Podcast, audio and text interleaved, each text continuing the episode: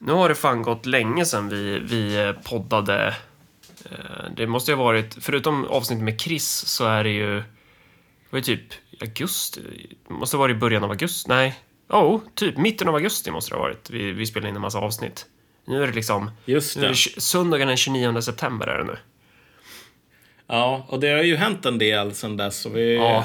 har ju fått en del frågor på saker som... Och det absolut viktigaste som har hänt under den här perioden, det är att WoW Classic har släppts och att du typ levlade ifrån mig utav bara fan, trots att du var tvungen att börja om. Alltså, det är så synd att jag inte spelade in de, de samtalen med dig när du liksom upptäcker att, på grund utav att den där servern är överfull så måste du börja, börja om. Så att allt ditt jobb med att sitta uppe på launch, typ, sitta Ja, det var ju köa i så fem timmar. Jag kände lite så här... "Ugh." Men trots det så tog du, Fan. du tog level 60 på sex dagars play. Alltså det är ju fan sjukt bra. Bra jobbat Ja, nej men precis. Alltså man ser folk som bara har typ 10 eller 11 dagars play och är stolt över det. Jag tänker bara... Alltså du är ju du är en jävla normie. Go home and be a family man. Liksom. Jag är level 30, fan, jag hade inga 36 nyss. Så nu, Ja, just det. men nu är Jossan, eh, bor ju hos sina föräldrar nu fram till fredag, så jag är hundvakt. Det är de tassarna vi hör här från taxen Ture. Så att eh, nu är det ju halva dygnet eh, partiet och andra halvan Atheroth. Ja, men precis.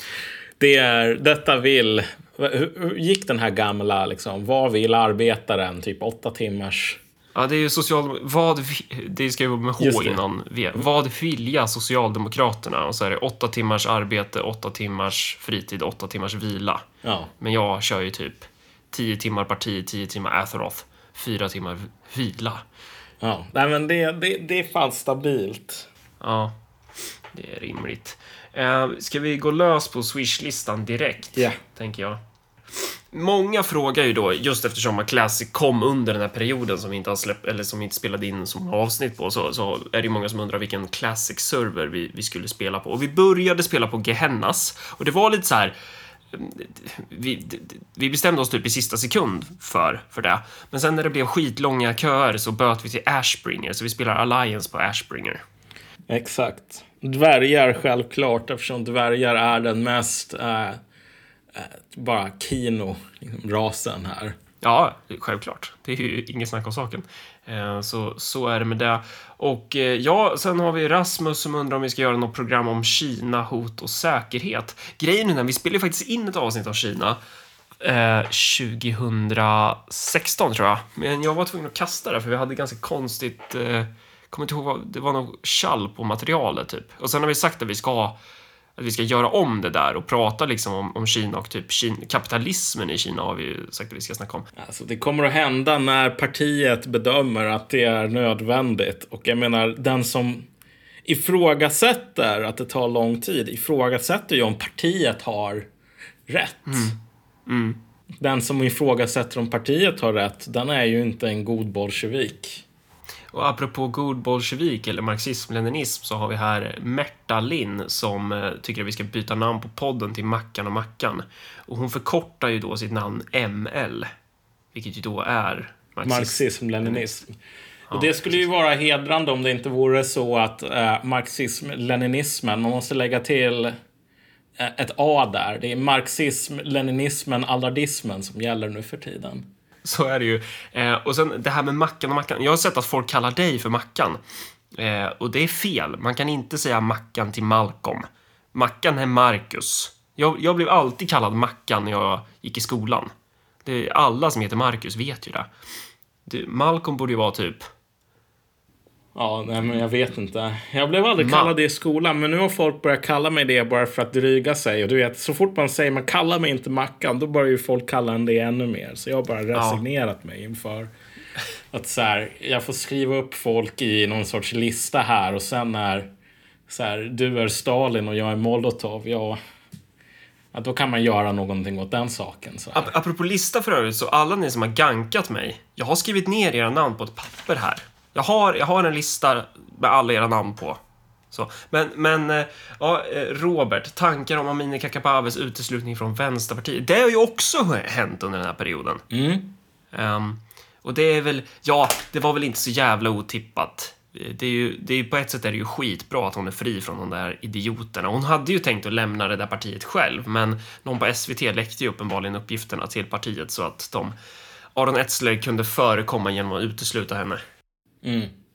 Ja, men exakt. Och det där är ju... Uh, det var ju nära på att hon inte kom in på grund av att partiet försökte ju sandbagga henne väldigt hårt mm. nu. Så det var ju väldigt tydligt hur, hur mycket de här människorna hatade att hon kom in i riksdagen.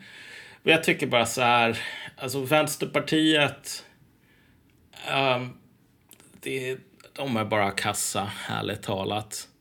Det ligger i tangentens riktning att de blir av med de kompetenta och hyllar de inkompetenta till skyarna. Jag har ju träffat Amin under den här perioden. Eh, hon bjöd mig på lunch. Ehm, så hon är ju en det är något med henne. Det är liksom man, det är svårt att inte tycka om henne. Alltså hon är väldigt så här. Hon är väldigt fin människa, liksom mm. varm mm. så. Nej, men exakt. Men därför, det är väl delvis därför också som Vänsterpartiet inte tycker om henne. Därför att det är fyllt ja. av bara fega ynkryggar och förrädare. Ja, alltså, jag, och, och grejen är den, jag, jag, jag, förstår ju att när folk hör oss, eller om folk hade hört typ mig och Mine när vi satt och pratade, för det var ju väldigt mycket så här vi jämförde uteslutningsprocesserna och även hon blev ju uppringd av SVT. Det är ju inte partiet som meddelar när man är utesluten utan det är någon journalist på SVT som ringer upp då. Um, att det... Jag tror inte folk riktigt förstår vilken otroligt destruktiv och alltså giftig internkultur som, som finns i det där partiet. Alltså det, det är en klass för sig. Alltså, är... Ja, nej men du vet, det har ju varit något sånt här gräl mellan bland annat Linda Snäcker och eh vad heter hon nu? Rosanna Dinamarca, taxidrottningen. Ja, um, flygdrottningen är, är det ju. Vad sa du? Det är, fly, det är inrikesflyg från Stockholm till typ, jag vet inte vad, Trollhättan, vad är det Göteborgs flygplats eller någonting? Just det, ja men precis.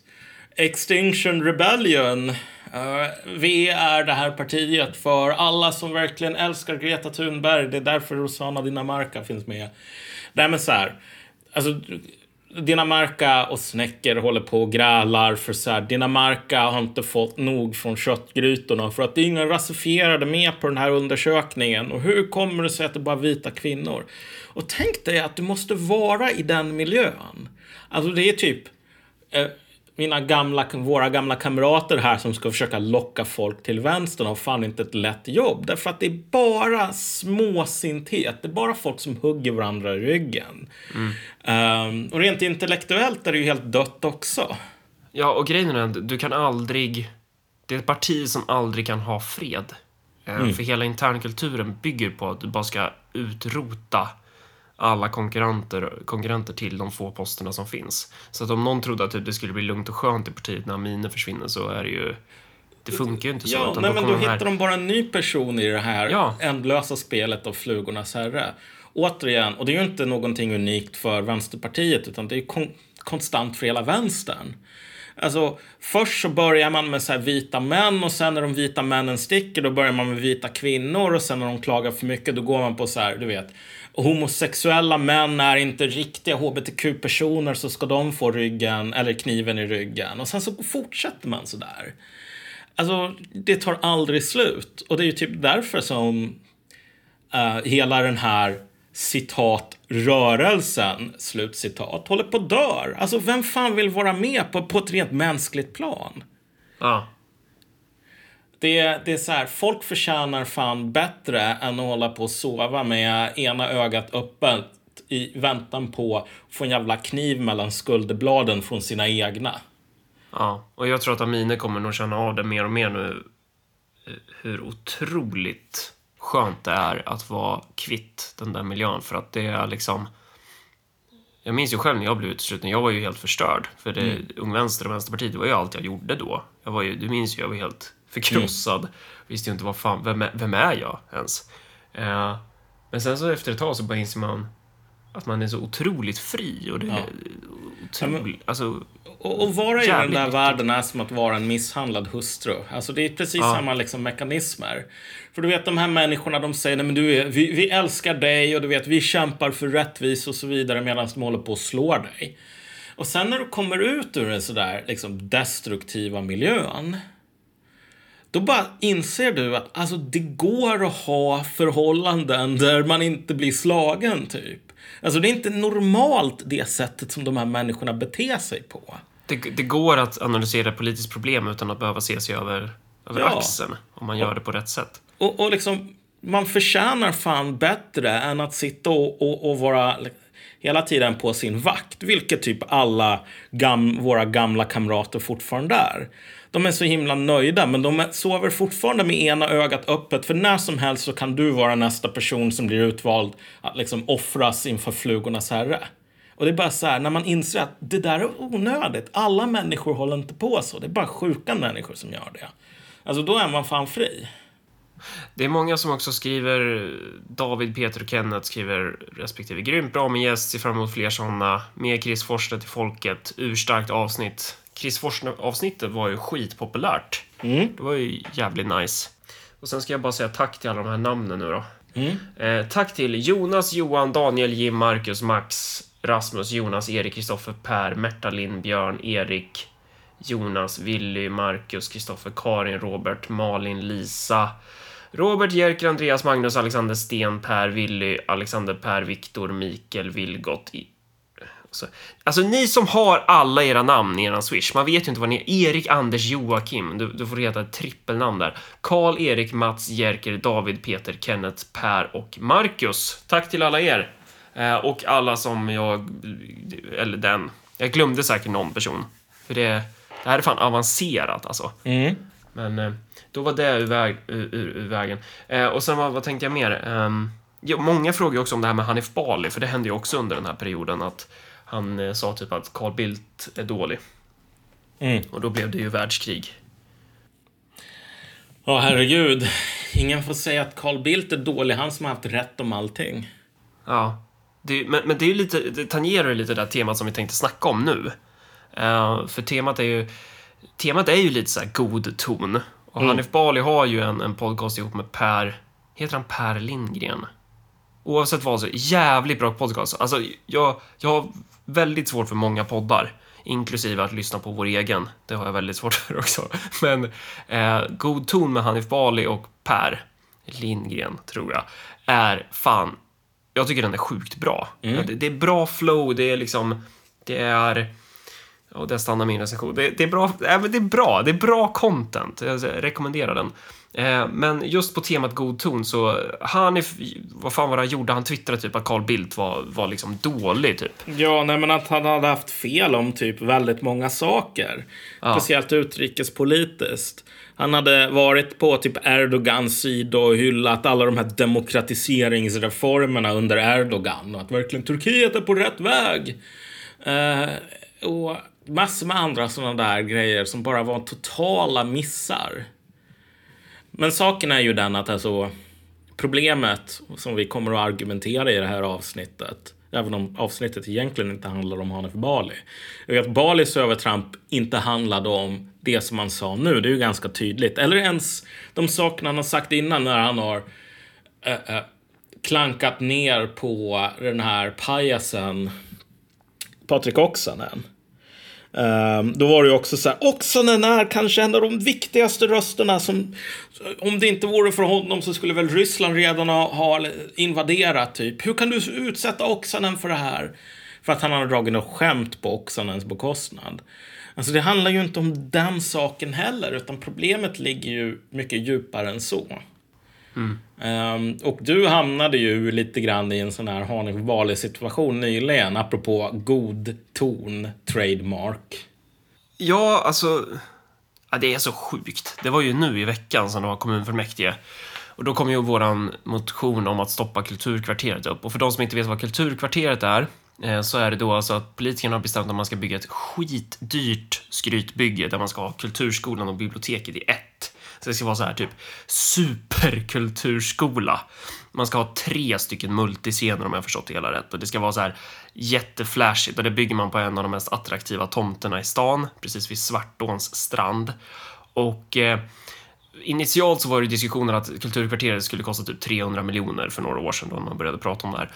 Eh, nu så verkar det som att man kommer landa mellan 700 och 750 miljoner i, i investeringskostnader och sen så driften fick absolut inte överstiga 35 miljoner per år och den är ju alltid beräknad i relation till investeringskostnaden så den, eh, den kommer ju klättra som fan den också då. Okej, okay, vänta, så de gjorde den här beräkningen av um, driftskostnaden schablonmässigt? Alltså som, okej, okay, det kostar så så mycket att bygga, så därför kostar ja, det så och så mycket att driva. Ja, bland annat. Alltså vissa komponenter i driftskostnaden är ju, är ju relaterade till hur mm.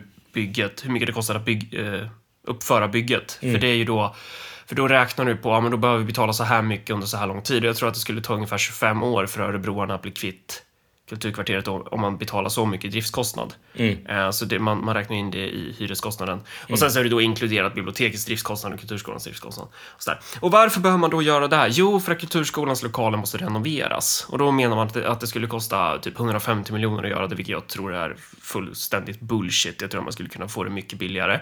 Eh, och biblioteket, ja, det är inga som helst problem på vårt bibliotek så som vi har det. Eh, så det är bara att man har bestämt att man ska flytta det och då råkade man tydligen inte... Man hade inte ritat tillräckligt bra, eller fan det var. Det fanns inte, fanns inte plats för magasinen, typ. Mm. Så man har bränt en massa böcker nu. Man ska, man ska flytta biblioteket. Så det, ja. Det började men, med bokbränningar i Nazityskland också. Nu har det flyttat sig till Örebro kommun. Vart fan är vi på väg? Enbart ett parti står emot det kommande mörkret i Örebro. Örebropartiet. Men eh, ja, driftkostnaden, jag tror att den kommer landa på minst 44. För man har ju inte räknat med indexuppräkning och så. Mm. Skitsamma, det, det, det är detaljer, men, men slutsatsen är liksom, det blir jävligt dyrt det här. Och det här sker då alltså i en av landets mest skuldsatta kommuner. Eh, vi har redan en, en skuld på, jag tror, en, ja, bra bit över 15 miljarder, kanske närmare oss 16 nu tror jag. Så att, eh, ja, så vi la då en motion i januari om att stoppa bygget och då hade man typ hade, tror jag man på sin höjd hade grävt liksom fundamentet. Och då hade man kunnat stoppa bygget, man hade kunnat betala de viteskostnader, man hade ju, men man hade ju garanterat kunnat undkomma en, ja, 650 miljoner kanske då. Mm. Ish, om man hade behandlat den skyndsamt. Eh, och eh, hade man behandlat den typ i mars, då kanske man hade undkommit ja, men en halv miljard i alla fall, eller kanske 400 miljoner eller någonting sånt där. Så att eh, vi la den liksom när, när, man precis hade börjat det här då. Och det man gör då med den här motionen är att den, den kommer in till i systemet så att den registreras eh, på ett kommunfullmäktige. Därefter så går den vidare till kommunstyrelsen som i sin tur delegerar den till kommunstyrelseförvaltningen och sen där då, den 14 mars, eh, så landar den på skrivbordet hos en praktikant. Som är då, alltså det är en student från Uppsala som, som är typ så här, praktiserar hos eh, den snubben som är projektledare för Kulturkvarteret. Så då tyckte man att ah, det är lämpligt att, att den praktikanten ska utreda det här då. Mm. Och återigen, vi håller på att gå igenom de här siffrorna så att folk fattar hur mycket pengar det rör sig om. Så ett förslag som har att göra med i dagsläget typ tre kvarts miljard lägger man på en jävla praktikant. Ja, precis. Eh, det tycker man är citat lämpligt att göra. Slutcitat. Och eh, ja, där ligger den ett bra jävla tag. Och jag träffade den här praktikanten av en slump på eh, byggnadsnämndssammanträde i, i maj, jag vet inte om det var 24 maj typ. Och då sa han liksom att ja, har du läst mitt motionssvar till Kulturkvarteret? Jag bara, va? Nej? Men vadå, ditt motionssvar? Du är för fan, du är bara student så här. Eh, och han eh, sa, ja, jag blev också förvånad att eh, jag skulle skriva det här. Ja, okej. Okay. Ja, jag var klar med det motionssvaret för en och en halv månad sedan. Så i mitten av april-ish. Um, men eh, då när man begär ut det här motionssvaret från förvaltningen, då liksom rycker de på axlarna och bara säger vilket motionssvar? Det fanns inga, vi hittade inget som var gjort i det här ärendet. Mm. Och då är det alltså den 2 juli som en nämndsekreterare går in och tar över processen och skriver ihop ett motionssvar som är klart den 3 juli, alltså det tar ett dygn då. Mm. Så någonting som hade kunnat gått väldigt fort tog väldigt lång tid och under tiden så fortsätter man ju bygga kulturkvarteret, våning för våning. Eh, och alltså hundratals miljoner tickar ju iväg. Det här är ju örebroarnas pengar som man bara bränner då. Mm. Och det gör man ju då givetvis för att um, det ska bli svårare att behandla motionen om att stoppa det. Så det är nu så här i månad nummer nio, september då, som den här motionen kommer upp. Eh, och det blev väl som väntat att motions, eller oppositionspartierna går upp och pratar om hur mycket de avskyr kulturkvarteret men att de absolut inte kommer rösta för Örebropartiets motion om att stoppa det typ. Mm. Eh, och även om vi inte, även om de här pengarna ju en stor del är förbrukade så menar vi att det är ju inte färdigbyggt än. Eh, men det är lättare att göra någonting annat av kulturkvarteret innan vi har byggt klart det än efter vi har byggt klart det. Exakt, och sen att bygga- driftskostnaderna också så här. Ja. ja, precis. Det, Det är ju en sån det är grej. ju konstant. Och jag menar, Mm. det kan bli så att 40 miljoner per år är i underkant. Ja, ja, ja. Och- och Och, det, här- det här görs ju i en kommun som man då när man sparar in 104 miljoner på skolan. Mm. Eh, Så, så att det här slår ju mot kärnverksamheten, såklart. Eh, Och vad fan var det jag skulle säga? Ehm, Nej men precis, det, det är lättare att liksom göra någonting annat av kulturkvarteret innan det är färdigt än efter. För Moderaterna vill ju såklart sälja ut det. Eh, och, då, och det behöver ju inte vara en dålig idé liksom. Eh, men då är det ju viktigt att det blir en vinst för örebroarna. Man skulle ju kunna använda det till kontorskomplex eller lyxlägenheter. Jag- skiter i, bara det genererar pengar istället för att det, det kostar. För det är fan inte värt det här. Eh, men det är nu vi kommer in till eh, vad som är grejen, typ. Och det, det är ju liksom då, då har man ju en debatt om motionen. Och då så gick jag upp i första inlägget och så sa jag typ att eh, de var idiot, eller vad fan sa jag? Det var idiotiskt beslut att uppföra kulturkvarteret och att de var korkade. Och så kallar jag kulturkvarteret för jävla bygge. Och då börjar de som vanligt, vilket det är ganska vanligt när jag har varit i talarstolen, så alltså det blir så här typ tre eller fyra KF-ledamöter som direkt bara så här, ordningsfråga, ordningsfråga. Typ som de här DSA Convention. Att de Point of direkt ska- personal privilege. Ja, så, och eh, då ska de eh, tala om min, min dåliga ton. Man får inte fära och så vidare. Ehm, och då, ja, men då lackar jag. För att det är ju liksom... Det här är ju seriösa grejer. De har ju saboterat motionen och så ska de stå där och prata om den dåliga tonen, typ. Så då, ja, då sa jag ju liksom eh, åt helvete med jävla ton. Och sen så blev det ing- ingen bra stämning. Och då avbröt de mötet för att de skulle gå och köpa, eller äta skattefinansierad fika. Hur mycket kostar det här fikat? Alltså, i, I augusti så hade det gått på sammanlagt 70 000 bara för kommunfullmäktige sedan januari, så att vi kanske vi är väl närmare 80 000 nu då. Ehm, och det är ju då alltså, det är exempel på fika. Det är fint fika. Det är ju så här, man sitter och vräker i sig gräddtårta. Ehm, samtidigt som man har ju fått information om nu att man har tagit bort kaffeautomater på hos socialen och sådär.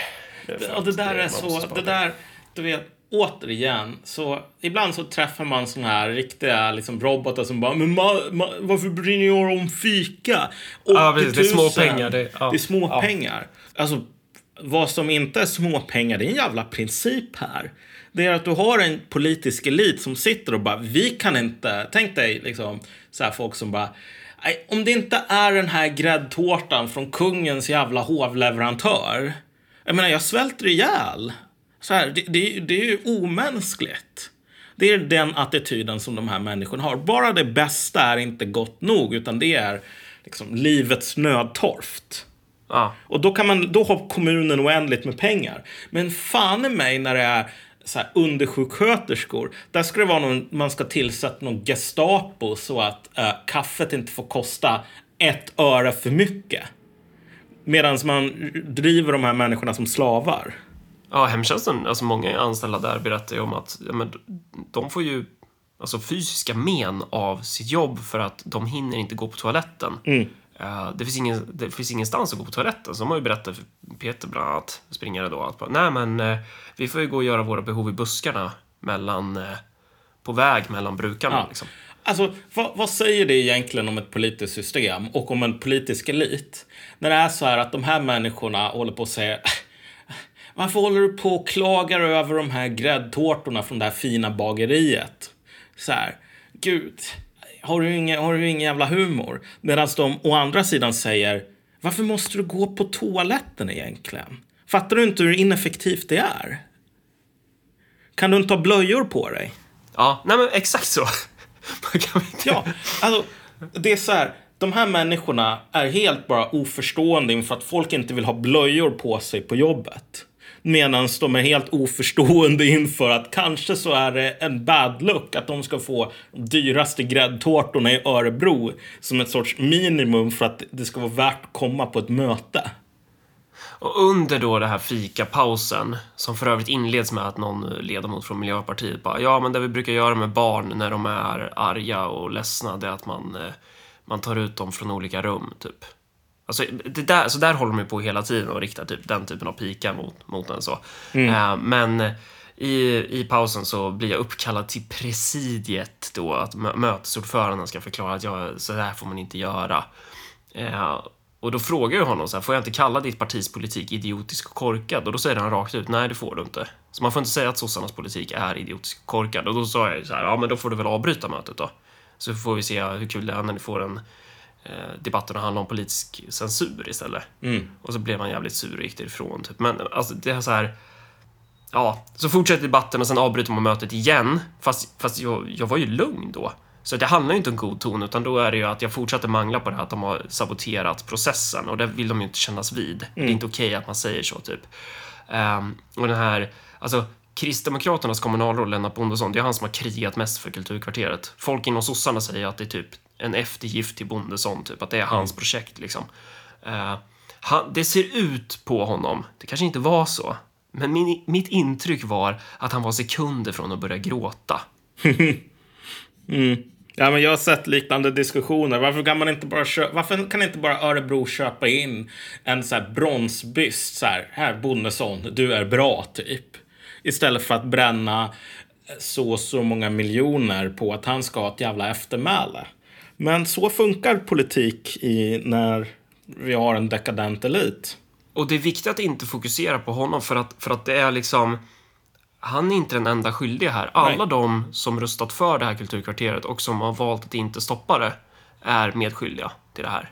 Eh, och det fick jag också kritik för, för att vi i, i motionstexten skrev liksom det här är chans att rent få ett sam, eh, samvete liksom. Nu är det dags för bot och bättring. Och det, var, det, var, det är hotfullt och usch. ÖP var ju de enda som röstade för motionen förstås. Alla andra var emot. Eh, och sen ringer ju media upp efter det här och tycker att det är helt otroligt att man, att man kan svära i fullmäktigesalen typ. Och um, ja, vi skulle ju kunna klippa in liksom P4s eh, hur det låter när de ringer upp angående det Ja, här. nej, men det får vi ta och göra så att folk verkligen hör. Tycker jag. Du får presentera dig själv alldeles strax, häng kvar.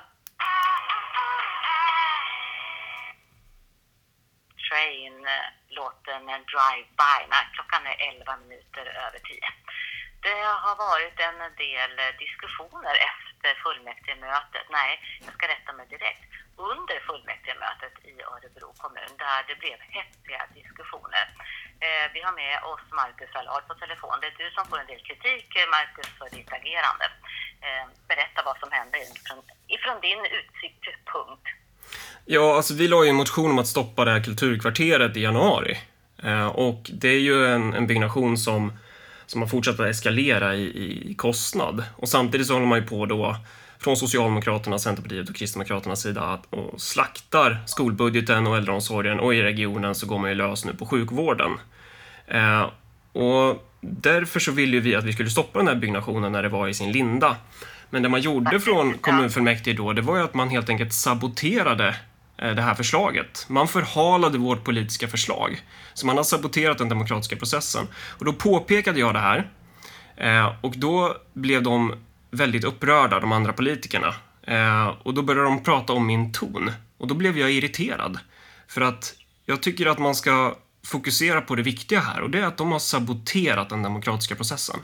Men Eh. hur kan du säga så, Marcus?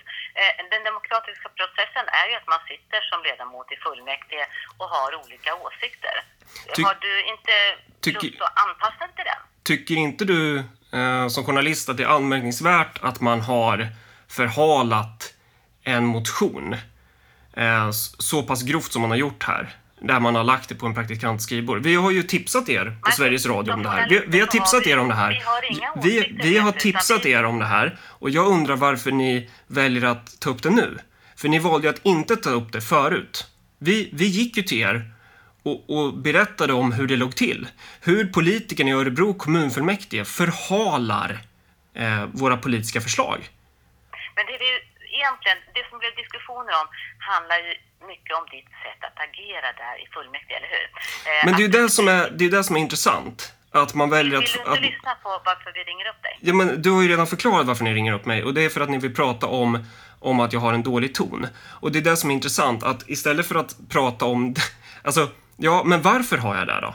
Det är ju för att de, man har saboterat den här motionen. Man har ju dragit det här i långbänk. Man har ju saboterat vårt politiska förslag. Eh, och det är klart att man blir förbannad. Och jag förbehåller mig rätten att vara det. Jag skulle vilja lyssnar lite grann på hur det lät när du, du agerade igår. Då. Hade vi suttit i kommunfullmäktige när ni fattade det här idiotiska beslutet att bygga kulturkvarter hade vi givetvis röstat emot. Men nu satt vi inte i kommunfullmäktige när ni fattade beslutet. Och det kanske också är delvis därför vi sitter i kommunfullmäktige. För vi var så korkade så ni röstade för det här.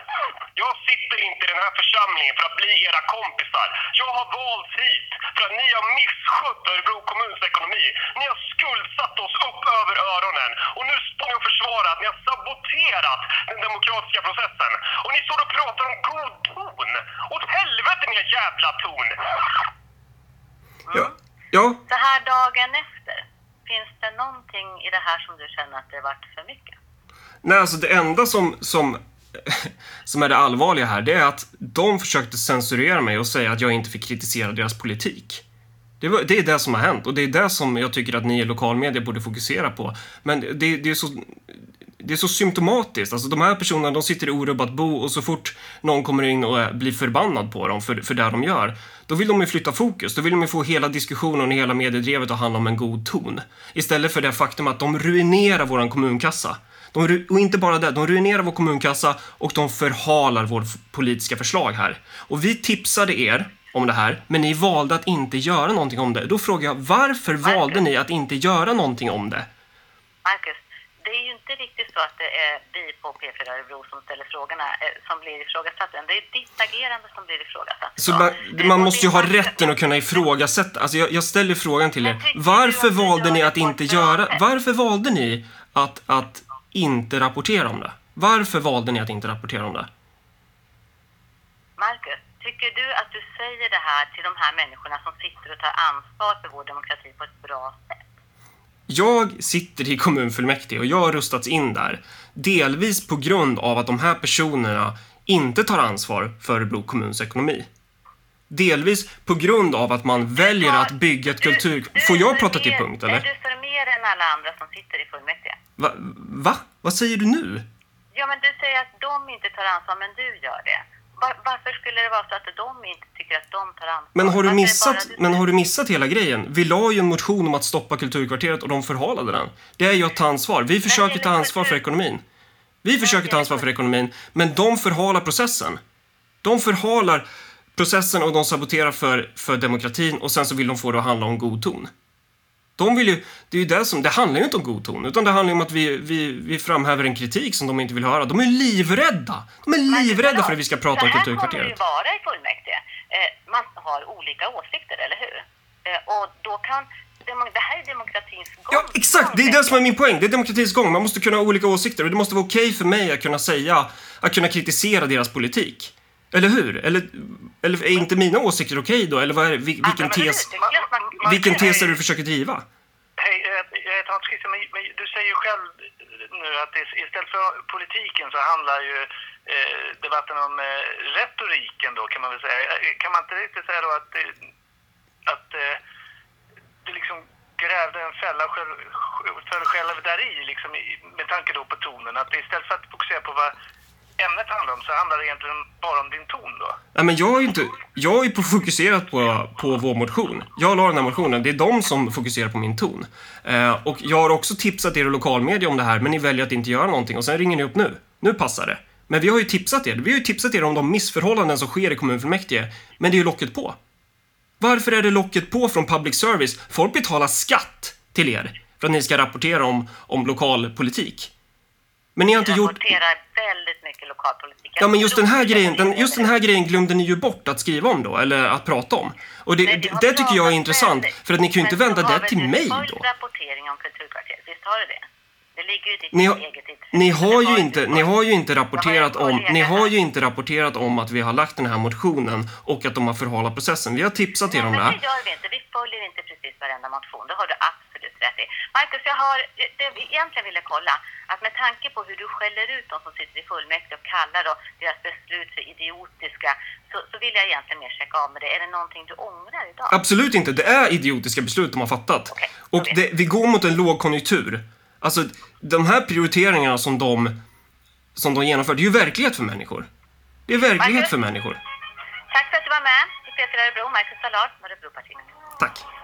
Ja, och, och gre grejen med det där klippet är ju att för de klipper ju alltid rent då hur det blir. Ehm, och så lägger de ut det på hemsidan. Men då la ju jag upp, för jag spelar ju också in det, så då la jag upp det i kommentarsfältet så kunde ju folk jämföra. Och folk blev ju rätt förbannade alltså. För man tycker att ja, man har en nedlåtande ton. Nu, nu är ju den här journalisten är ju mamma till en av mina kompisar. Så ja, jag har ju inget emot henne personligen ska jag ju säga. Eh, Men, men folk har ju reagerat på att man upplever det som att man har en ganska så här nedlåtande ton mot mig, typ. Som om jag skulle vara tre år. Vilket ju för övrigt Lars Ströman, ledarskribent på Nerikes Allehanda, skriver rakt ut att jag är en, jag är en skrikig treåring. men ja, ehm, så vart vill vi komma? Nu har, nu har vi liksom gett en jävligt lång eh, så här, introduktion till vad som har hänt. Typ. Mm, nej men precis. Men, men det som hände efteråt var ju också att, att folk började ju posta de här videorna. Ja, Eh, det. det, det blev ju en ganska intressant respons.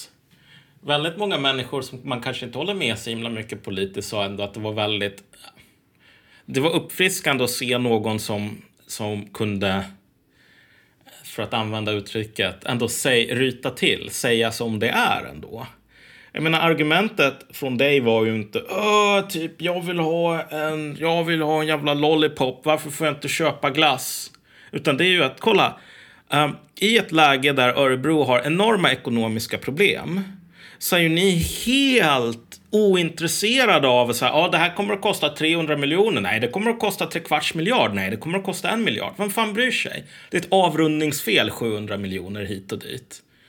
Uh, och att det här är ju det här är ju dekadens. Det här är ju superfarligt för en kommunal ekonomi som redan håller på och sparar massor med pengar. Varför är den här dubbla standarden?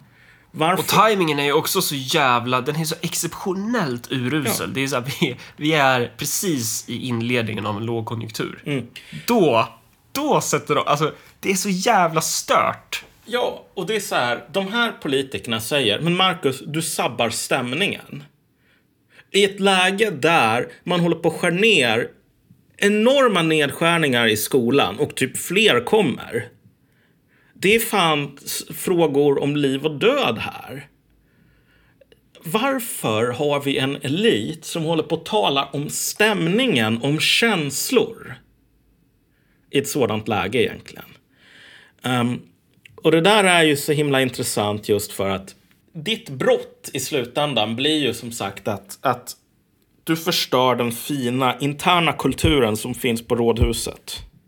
Mm. Någonting som för övrigt Sverigedemokraterna mer eller mindre sa rakt ut i, i någon slags rolig förpackning när Daniel Spik gick upp och sa att ja, vi har ju haft en, en, en fin intern kultur i rådhuset. Men nu har mångkulturen kommit hit i form av Örebropartiet. och, eh, och så menar han ju då att jag förespråkar även i detta avseende assimileringspolitik. Och så har ju deras polsek varit ute, en av dem då, varit ute och skrivit att eh, ja, men det är inte okej att ha dålig ton, man ska... De är ju en del av det där också. Alltså det där är, det där är så enormt fascinerande. Låt oss bara ställa den här enkla frågan. Hur många människor röstar på SD i Örebro för att de är intresserade av att skydda den fina internkulturen i stadshuset? Hur många vaknar upp och bara Fan, jag är så himla ledsen att så här, våra politiska eliter inte får tillräckligt mycket respekt. Alltså, jag, jag tycker att det är ett jättestort problem att det kommer populister och klagar på att de håller på och åker på räkmackor medan vanliga arbetare lider. Så jag röstar på SD för att se till så att våran elit verkligen får så jävla många taxiresor som de bara ber om. Det finns inga människor som röstar på SD av den anledningen. Men återigen, alltså den här, det är så himla fint vid köttgrytorna. Uppenbarligen. Och sen, det kan ju också vara av taktiska skäl för att SD har ju varit de som har varit utfrysta. Så är det ju. och, och jag menar, när, när ÖP kommer in, då blir det ju så här... Då har man något att eh, jämföra med. Då är ju inte SD lika farliga längre kanske. Det kanske är lättare då att ställa sig in hos de andra partierna. Alltså, och det, men det här är ju, det här är ju också ett, ett, ett problem som är liksom känt sedan gammalt på ett plan.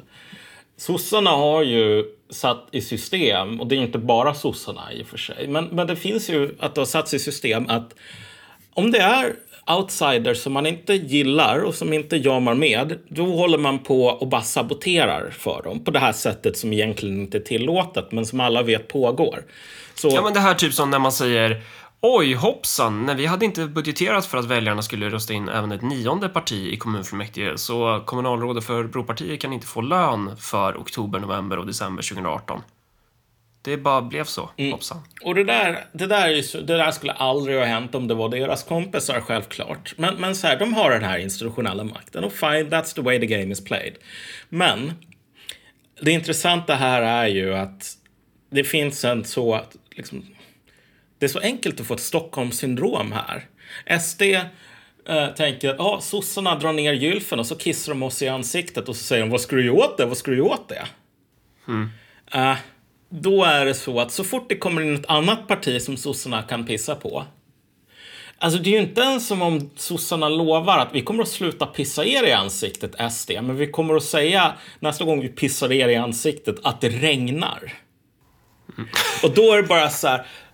Då hoppar de här slagna hundarna på det. Bara, Åh, fy fan vad nice. Vi är, inte, vi, vi, är, vi är inne nästan i finrummet nu. I stugvärmen. För sossarna, de, när de pissar på oss, då säger de att det regnar så att vi kan låtsas att vi inte bara är liksom totala jävla äh, äh, dupes här. Ja. Och återigen, det här var ju någonting som var ganska tydligt med Moderaterna en gång i tiden. För innan Moderaterna hade SD, eller vad säger jag, innan sossarna hade SD och mobba, då mobbade de moderater på den tiden som sossarna fortfarande var en samhällsdominerande kraft. Då var det moderater som inte fick gå på fina middagar och, och vara med i, i finrummen för att de var... Det var mörkerkrafter. Ja, men alltså här är grejen. Responsen om, om, om liksom är inte att bli en jävla slagen hund. Om folk försöker göra dig till en slagen hund så ska man slå tillbaks. Man ska inte vänja sig vid att bli slagen och sen bara Shit, han slår mig men han stirrar mig i ögonen medan han gör det. Det här är nästan kärlek. Alltså den responsen är helt fel. Och återigen, det är extremt fascinerande att, ehm, att det är från Sverigedemokraterna som man hör det här. Därför att återigen, det finns inte någon person som röstar på Sverigedemokraterna för att skydda den fina kul- internkulturen hos våra politiker. Ehm, ett missnöjesparti som håller på och eh, försvarar de politikerna som skapar det här missnöjet. Det är, inte, det, det är totalt värdelöst. Nej, men det är ju vår kritik. Alltså, det är ju det som är kärnan i vår kritik mot Sverigedemokraterna överhuvudtaget. Att de är ju inte tillräckligt populistiska. Ja. De är ju... De, de är bara en halv... De är Kerensky, liksom. De är bara så här, de är halv... Men det finns en till grej i det där eh, som, som man har sett lite i kommentarsfälten som kan vara värt att kommentera. Och det är det här, alltså idén om politiska samarbeten, varför de sker och vad, vad vilka faktorer som gör att partier samarbetar. Och vissa tycks ju tro typ att, att det krävs att man måste vara vän med dem man ska samarbeta med. Och att det är därför jätteviktigt att man så här, har personligen bra relationer. Eh, och det där är i alla fall enligt min erfarenhet, eller jag skulle säga så här att det är bullshit. Totalt jävla bullshit. Alltså, du samarbetar när du har en pistol mot ditt huvud och är tvungen att göra det. När du liksom rent objektivt tjänar på det. Det spelar ingen roll vem fan den här personen är. SD är ju utfrysta på, på nationell plan, eller har varit det väldigt länge. Nu börjar man ju ta in dem. Det är ju inte för att så här, man bara kommer fram till att Jimmy är jävligt skön egentligen. Utan det är ju för att man måste. Det är för att ju mer de här äter av väljarkåren, desto mer måste du förhålla dig till dem. Det är så politik fungerar. Det, det, ja. Nej men exakt. Och, och, och, och saken är ju den också så här att den stora risken för SD, det finns så här, hur ska man säga, eh, många i det partiet som så här, inte nödvändigtvis är superintresserade av köttgrytornas stugvärmen. Jag menar stora delar av ledningen, därför att eh, det var aldrig ett säkert kort att satsa på Sverigedemokraterna så här på 90-talet. Nej, det var ju förenat med liksom... Ja, du blev ju attackerad och det var, det var ju ett helvete Ja. för dem. Jag menar, typ, det var väl, jag tror att det var Mattias Karlssons födelsedagsfest. Som Ja. kommer in så här, så här afaiter typ och börjar spöa folk. Och så är det väl eh, Fredrik Reinfeldt som säger ja, vill man inte bli spöad då kanske man inte ska vara sverigedemokrat, hö, hö, hö, typ. Så sittande statsministern håller på och bara tycker att det är bra om de här människor, politiska motståndarna får stryk för att de strider mot värdegrunden. Vi ska inte hålla på att ha poliser som beivrar det här, det vore ju dumt. Så, så, så man kan inte anklaga en sådan person för att inte ha en sorts eh, leninistisk ehm, ådra i sig i alla fall. Det, den finns där. Men, men överlag så är väl det stora strukturella hotet mot ett parti som SD att de inte är leninister nog. Om du tar in vem som helst, um, då får du en situation där Sverigedemokraterna kan ju inte tillåta någon sorts personlig autonomi på lokalt plan för då kommer det bara massor med så här strålkärringar som börjar tala om att så här, förintelsen inte hände på riktigt och det är inte bra. Eh, Men om man nu håller jättehårt på folk, ja då får man bara så här karriärklättrare och det finns ingen person som kan ta några egna initiativ. Nej, så, så, exakt. så det enda de är reducerade till det är att försöka hålla på eh, på lokal nivå här i Örebro och agera eh, lakejer ofrivilligt åt ett politiskt etablissemang som hatar dem. Och det, och, och det är ju värt att säga att det finns ju olika, olika personer i det där partiet, men det finns ju delvis de här personerna som, som håller med oss. Men SD skulle ju kunna vara eh, någonting annat, typ. Ehm, och som har någon förhoppning om SD. Och till dem säger jag väl ungefär till, dem, till samma sak som de som tror något om vänstern. Så här, bara lämna den där skiten. Kom, Gör, gör, gör det, the real deal istället. Men sen, kolla på den här återväxten de har. Kolla på deras ungdomsförbund. Det, det, det är så här, det är små brats liksom. Det är jävla båtmoderater. Ja men exakt. Tuntar. Och- Och, och- fan, de där, de där är ju inte intresserade av att bygga någon... Nej, för fan. De där vill, de vill ju bara lajva politiker ju. Och det finns liksom två nivåer på problemet här. Jag menar, det första är ju att det, avs- det är så avslöjande för vår politiska elit överlag här. Att um, i ett läge där vi går emot sådana enorma problem. Eh, Örebro går emot enorma problem ekonomiskt. Och folk bara, ja det här kostar en halv miljard extra, men kan du inte sluta tjata?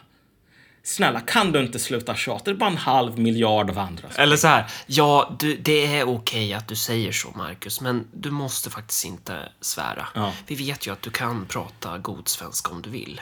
Du måste ju inte eh, lägga in den här typen av invektiv. Vi brukar hålla oss för goda för att inte ha den här, här, typen av en, en gammal sosse sa att varje förslösad skattekrona är en stöld från folket. Det var en sosse som sa så. Okej, politikerna i Örebro har just stulit en halv miljard nästan. Ja, mer. Ja, från sin befolkning. Och folk bara, men du svor. Låt oss fokusera på det allvarliga problemet. Det är inte att de här jävla parasiterna st- stjäl en halv miljard. Det är att du svor. Du sa att det var idiotiskt. Och det är faktiskt respektlöst. Och det här visar ju på att alltså, det här är människor som är bara way, way, way out of their depth när det gäller vad som händer i den här sortens kriser som vi går mot. Um, jag kommer att Och en tänka... till grej angående det här med, med att kissa i ansiktet. Övriga oppositionen, de, istället för att så här, ta tillfället i akt och bara tillsammans solidariskt skalla sossarna för att de har eh, förhalat motionen. Så vad gör man? Jo, man går upp och säger Ja, fast våra motioner har faktiskt förhalats ännu mer. Ja, alltså det, det, det, det, brukar ta minst ett år för våra motioner. Alltså varför gnäller ni? Nio månader, det är ju typ den snabbaste motionsberedningen någonsin. Alltså, idioter! Och du vet, du kan se så här, Niklas Persson från Miljöpartiet, han, han går in och skriver liksom den typen av grejer i så här kommentarsfält. Alltså, Ja, du vet, sossarna har pissat på oss i så här årtionden utan att vi har klagat. Ja, men det är fan Ja. ditt problem. Det är inte vårt problem. det är så... Det är så här, alltså, Om jag går och slår två personer i ansiktet och så slår jag den ena lite hårdare. Det är ju inte som att jag inte har slagit den andra personen i ansiktet. Det är bara det att jag slagit lite löst. Jag har ju fortfarande begått två fel. Och jag tycker ju så här, jag tycker det är ett problem när andra partiers motioner förhalas. Jag tycker det är ett problem Ja. i sig att man, att man arslar den demokratiska processen. Här tycker inte jag att det är liksom rimligt att vara typ så här partisan, att man ska vara typ partibiased. Men det visar ju också så här, det där är ju inte viktigt för dem. Nej. Det enda som är viktigt för dem, det är att, det ska, att deras jävla beslut ska gå igenom. Ja, och, och det är liksom så här. You have no self-cocking respect. Man måste ha lite självrespekt. För det första, väljare förtjänar, om de röstar på ditt parti, de förtjänar företrädare som slåss för din jävla politik. Som inte bara lägger sig ner och bara Åh, nu, nu pissar sossarna oss i ansiktet igen. Ja, det finns inget vi kan göra. Vi får fan ta den här gyllene duschen. Men, men som sagt, alltså, så, så vi har en politisk klass i gemen. Alltså det är så här, sorry, men jag säger inte det här som någon, någon, någon partisan i, i, i, i partsinlaga, men om du är oroad idag för att folk svär när Sverige håller på att gå emot så här seriösa jävla etniska konflikter. Folk gör värre saker än att svära i dem. Så get your priorities straight. Därför att du kommer inte att överleva eh, politiskt om du om det här är din, din, din kompass. Att det är för hemskt, att du måste sätta dig ner och ta till luktsaltet om någon svär. Alltså då ska du inte hålla på med politik. Men den andra biten här är ju att, jag menar, Um, om vi nu liksom tänker specifikt SD så är ju problemet där i slutändan att man tar inte heller den här situationen riktigt på allvar. Um, jag tror att liksom, om, om, om- jag ska verkligen göra en generös tolkning så är det ett parti med väldigt goda intentioner. Men ehm, jag tror inte man har en plan för att undvika till exempel att ungdomsförbundet tas upp av respektabla killar i kostym som vars stora prioritering här att de ska kunna dejta de snygga KD-brudarna och anpassa sin politik därefter. Och det, det, sånt där måste man vara stenhård med när man bygger en organisation. Du kan inte acceptera, alltså om du märker att yngre individer är liksom mer intresserade av att typ bli rika och tjäna pengar, ja, men då, de kommer inte vara hållbara i längden. Du, be- du behöver ha individer som, som säger jag vill dö för saken. Nej men exakt, där får man ändå säga att man är någon form av leninist här. Att, alltså, eh, väldigt många håller ju på och talar om det här med... Alltså, vänstern ger fan leninismen ett extremt dåligt rykte. Ett extremt dåligt rykte. Um, därför att för dem är det så här att det finns den här utvalda gruppen av människor för truppen. Och varför är de utvalda? Jo, för att de är bäst. Det är de som ska ha mest jävla eh, högst lön för att de är smartast. De ska ha mest jävla likes för att de är så fina och fantastiska. Och så ska, det, det är liksom hövdingar och indianer för dem. Och så här, varje hövding förtjänar en stam av indianer som passar upp på dem. Det här är ju ren narcissism. Men i, i din och min värld, och jag menar Lenins värld också, då är det så att den som ingår i den här kadern, det är den personen som betalar sig själv minst lön. Det är att, att säga att vi halverar politikerlönen här. Um, därför att vi vill inte ha människor som vill tjäna 60 000 och som tycker att det är en dealbreaker. Därför att det skadar partiet, det skadar saken. Människor har rätt att kräva eh, representanter som faktiskt brinner för saken. De har, inte, de har rätt att kräva mer än människor som tänker att prio ett är att tjäna pengar, prio två är att representera dig. Så alltså så här, kadern är en selektionsprocess. Det tänkandet är en selektionsprocess för att så att säga få bort um, de som står i vägen här. Och där, där förstår man ju också liksom klassrelationen till kadrer. Alltså var, var, det, blir ju då ganska naturligt att det är individer från vissa klasskikt som kommer ha en kommer, kommer vara mer kompatibla för, för att bli kadrer då i den typen av partibyggande. För kommer du från, från en klassposition där det är onaturligt att ha eh, att ha löner som, som partiet tycker att man bör ha, då kommer ju inte du bli kader. Nej, nej, för, men det, för det är en dealbreaker, du ska bli en av de här liksom. Och jag menar, men det här är ju i slutändan, jag, jag har ju faktiskt bollat den tanken lite grann med folk som är så libertarianer och liknande. Men min syn ofta är att om du ska ha någonting, du ska starta någon sån här mediasajt eller någonting. Alltså det är ofta ett stort misstag att försöka, ja vet du vad, chefredaktören får 90 000 eller 80 000 kronor i månaden. Därför att då kommer du att selektera här, du kommer efter människor som vill tjäna 80 000 kronor i månaden. Och vet du vem som håller med oss om det här? Dominic Cummings. Mm. Har du koll på honom? Nej, det har jag faktiskt inte. Det är ju alltså hjärnan bakom Brexit-kampanjen. Ja. Eh, han, eh, han är ju nu rådgivare till Boris Johnson, vilket gör att jag... Ja, jag, jag tänker inte underskatta Boris alltså. Nej, men Boris är mycket smartare än vad folk ger honom credit för.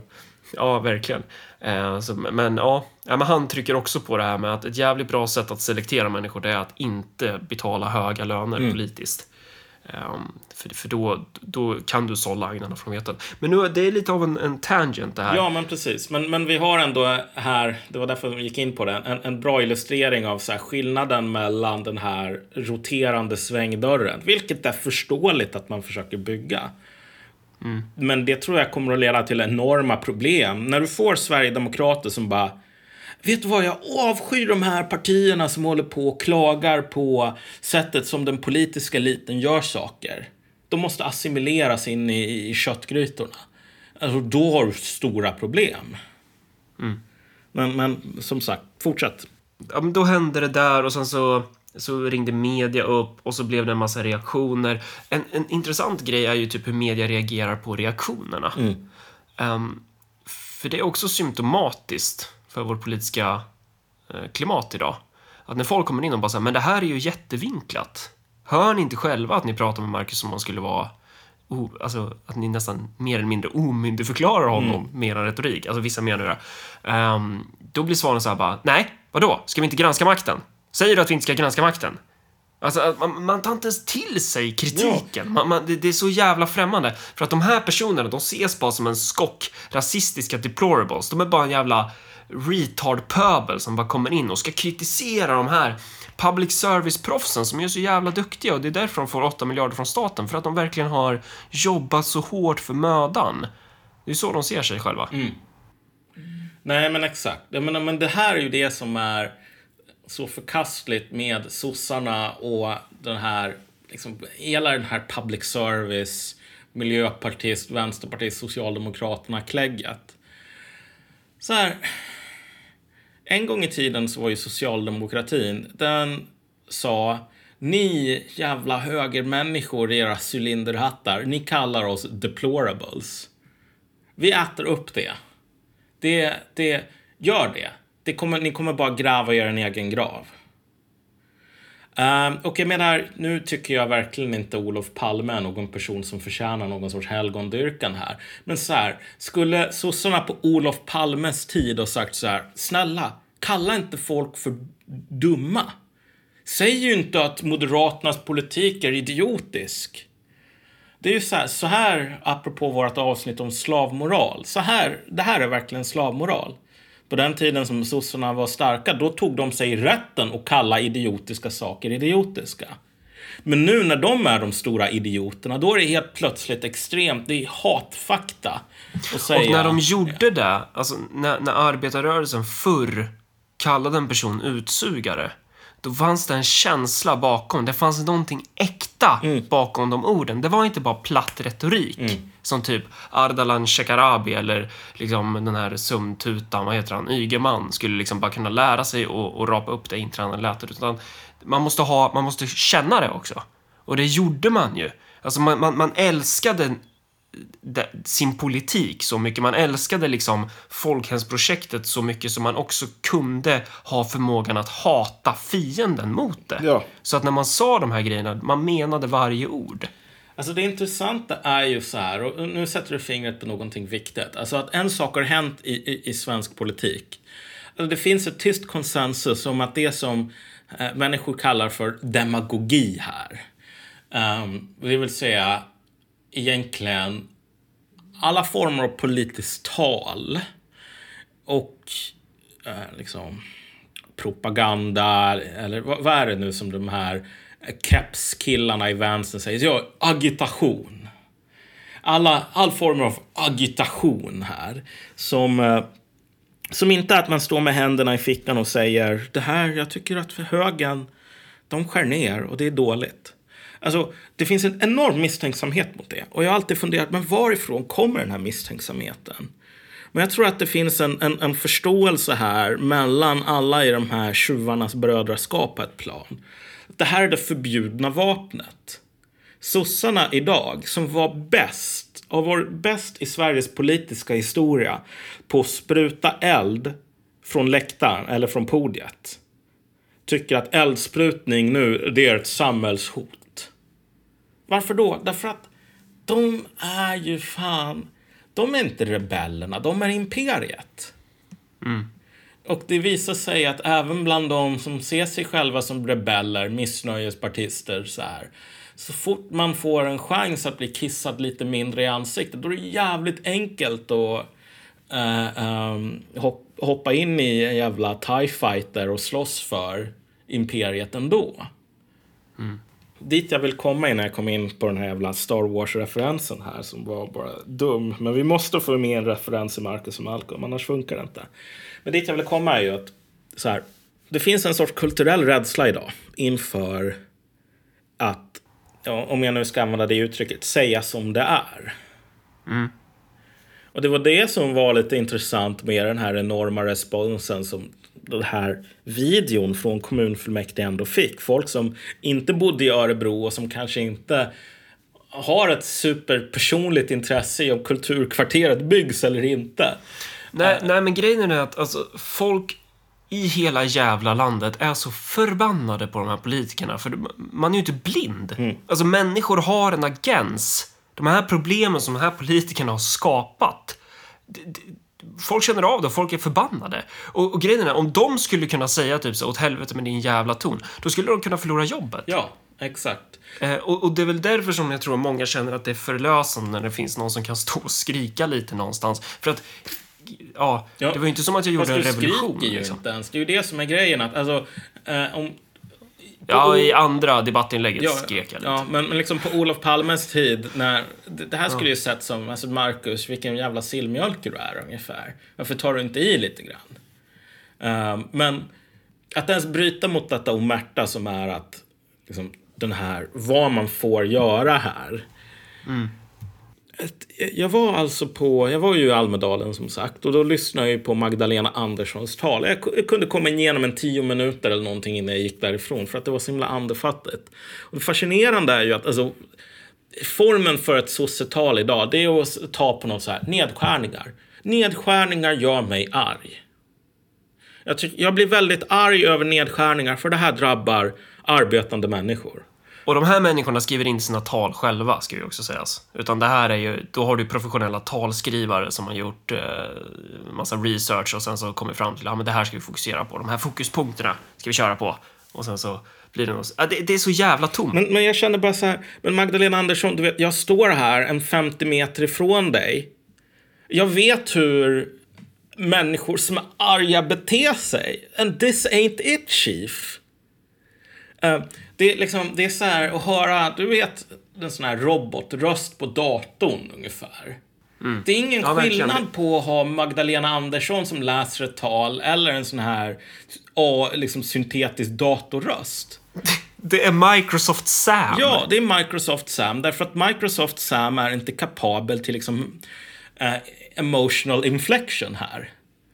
Alltså, de gamla socialdemokraterna, när de sa jag är arg, då var de arga. De var arga. De var arga på missförhållanden. De var arga på politiker som stal från folket. De var arga på en jävla klass av människor som lever gott på andras bekostnad. Um, men om du är arg på de sakerna idag, då bryter du mot reglerna. Det är typ känslan som, som man får är ju att de här de känner ju någon form av äckel, typ. Mm. Det är, så här, alltså, det är verkligen som om jag skulle vifta med kuken i rummet. Ja. Alltså man bara så här, jag bröt mot sociala koder, du får inte göra så här. För att stämningen på de här mötena, och det är ju, jag, tyck, jag har inget problem med att man är trevlig mot varandra. Eh, och det är inte som att jag går runt och, och ber folk dra åt helvete, utan jag försöker ju vara trevlig också förstås. Eh, I pauser och sånt där. Men, men den här, det är ändå någonting när man... De här är ju väldigt bra vänner med varandra. Det är liksom en stämning som är... mm, Det är väldigt trygga rum. Eh, och det är typ dygdigt att det ska vara så. Att det ska vara liksom det här... Det är ett orubbat bo. Och de liksom... Man stryker bara varandra med hårs hela tiden. Ehm, ta, ta, ta hur, hur vi har... Hur svenska politiker nu har behandlat, ja men så här... ehm, hur man finansierar invandringen. Alltså, finns det bostäder? Finns det allting sånt? Liksom, finns det ens el i södra Sverige? Det är bara så här att så fort det visar sig att man bara bryter mot... Alltså man, man beter sig olagligt, man, man vet inte vad man håller på med. Då bara, nu, nu vänder vi blad. Och så här, ja okej, vi var naiva. Och, och så fortsätter man så, nu är vi på väg in i en riktigt jävla allvarlig kris. Och det enda som folk säger att ja, misstag har kanske begåtts, men herregud, varför ska vi vara arga på varandra? Jag bara, my God, vi talar alltså om frågor som är avgörande för Sveriges jävla överlevnad. Det är insatserna. Det här är en kille, tänk dig en kille som bara går till något kasino och sätter sin familjs hus som insats. För du vet, man måste ju spela. Alltså det, de, de vill ju inte fattiglappar. Jag måste ju kunna ta med mig två miljoner om jag ska spela Blackjack i Monte Carlo.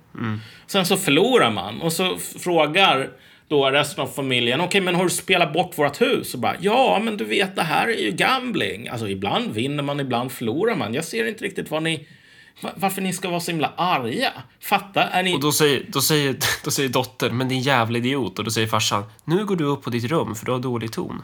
Alltså, det är liksom den här responsen som typ, är ni verkligen så naiva?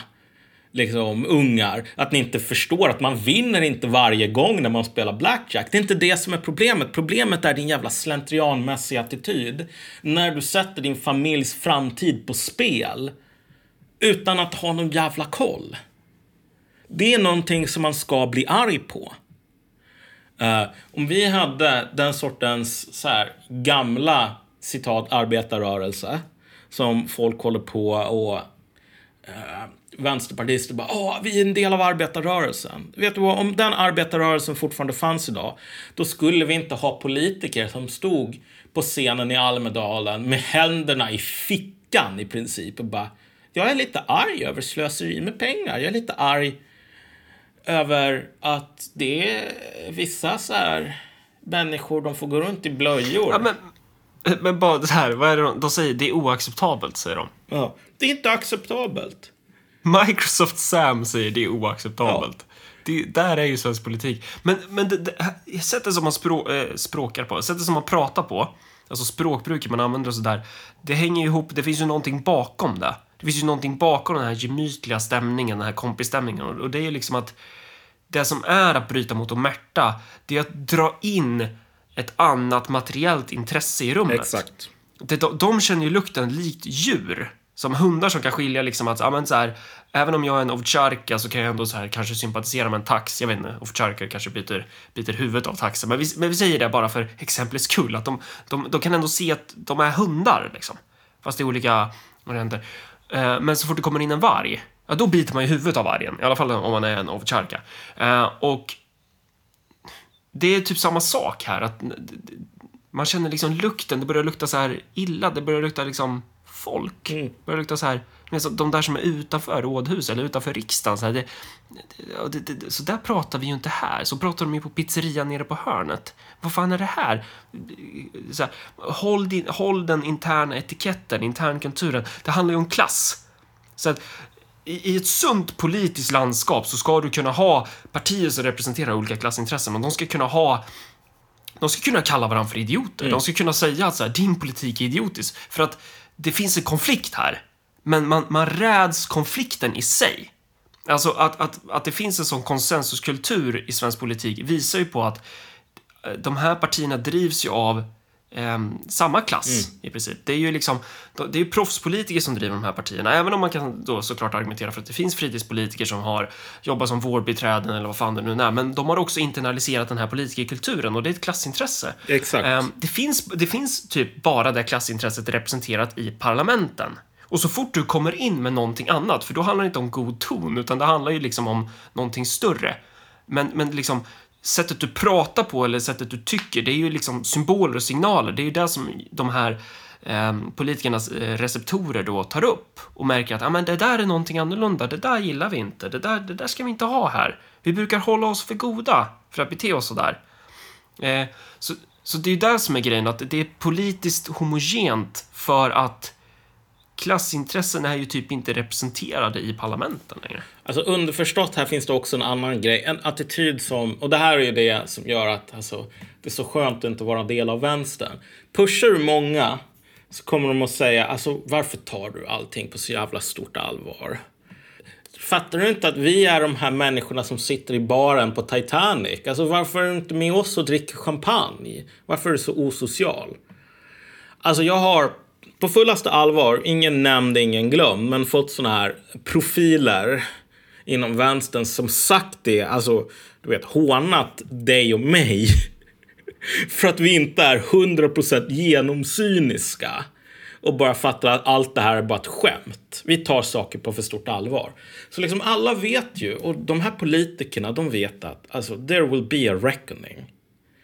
Sverige på många sätt är en ekonomisk, politisk, social Potemkin-kuliss. Och när folk verkligen inser hur lite förråd som finns i lagorna, ladorna när vintern kommer, hur jävla många människor som kommer att behöva svälta, bildligt eller kanske till och med bokstavligt om våra politiker verkligen har satt dit oss. Det kommer att bli jävla blodshämnd.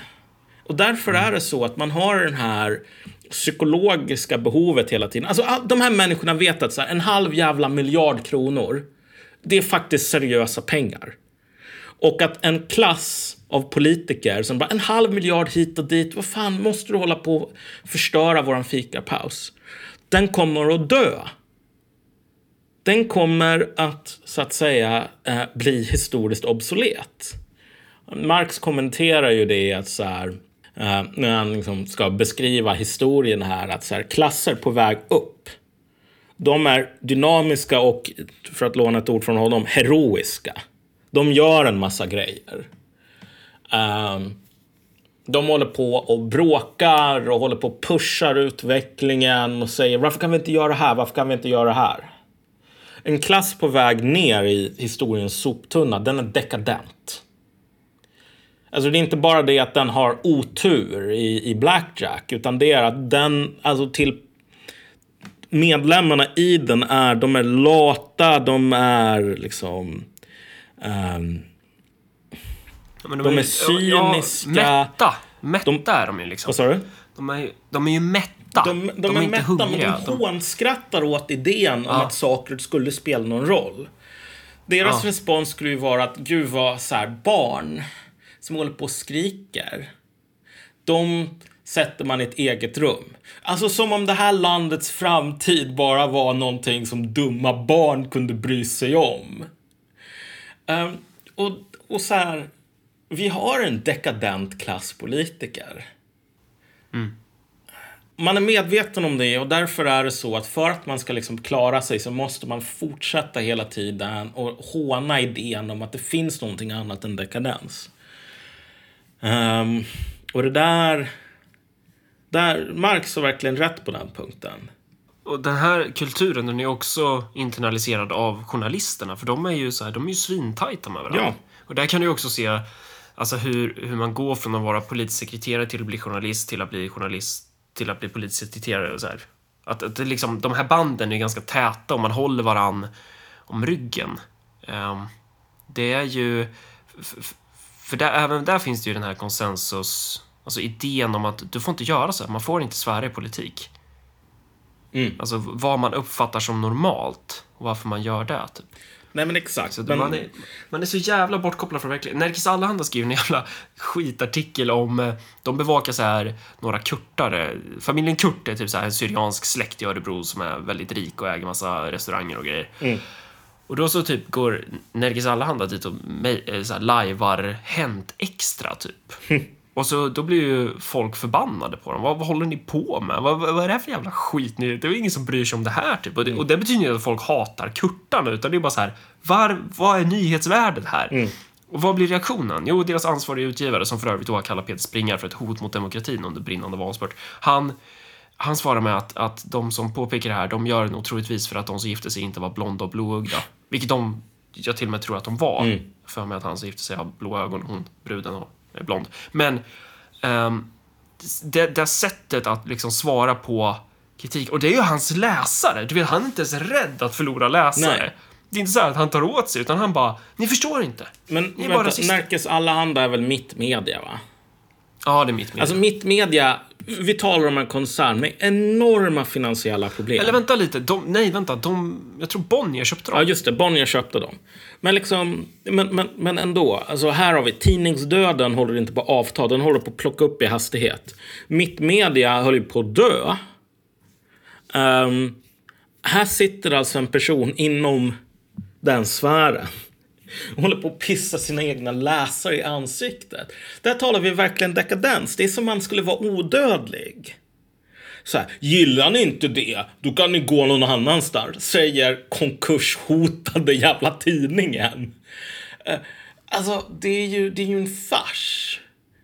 Men återigen, på grund av den här enorma cynismen så är det så att alltså, man, är, man är livstrött. Det är inte så att de här människorna vill dö. Det är inte som att den här personen vill att hans tidning ska gå i konkurs. Det är inte det som pågår. Men när du får den här kulturella dekadensen, den här livströttheten, människors beteenden blir objektivt en sorts dödsdrift. Em, vill man överleva som tidning, då håller man på och letar efter nya jävla vinklar. Man håller på och kollar vad vill folk ha? Och så håller man på och jagar efter deras behov. Mm. Och där har du ju till exempel, vi har ju pratat om det förut. Fan vad jag, alltså Chang Frick. Mm. Jag, det är många gånger man har nämnt honom. Men nyheter idag, alternativ media. Att där kan du också prata om så här språkbruk, eller vad som språkbruk egentligen är. Det är ju en typ av symbolik för att försvara ditt klasskrå. När utvecklingen eh, går så långt så att, att den här professionen kan upptas av fler personer än vad som tidigare var fallet. Som till exempel, det är ganska lätt att bedriva media idag. Mm. Det är, du startar en hemsida och så skriver du artiklar. Och vem som helst kan göra det. Du kan sitta från ditt skrivbord, precis som jag gjorde på Nyheter Idag. Du behöver inte ha en redaktion.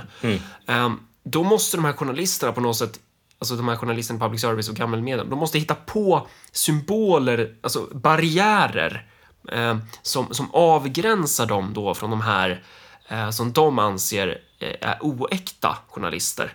Nästan som typ adelstitlar eller någonting. Att du måste ha en symbolik som då är... Dels, dels värdegrunden är ju så.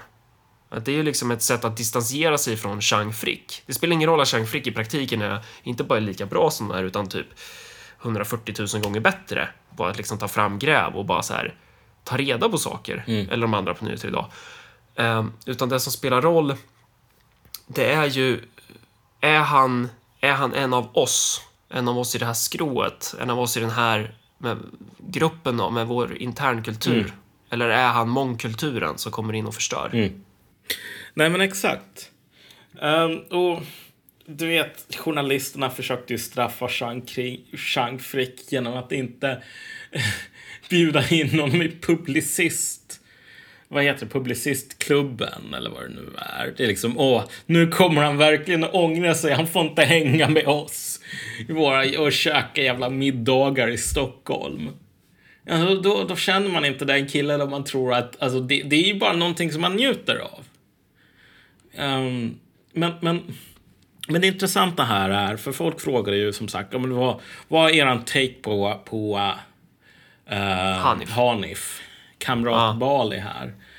Och jag menar så här, i slutändan, jag skulle säga att det är en modifierad version av samma, den take som vi har på Christian Sonesson.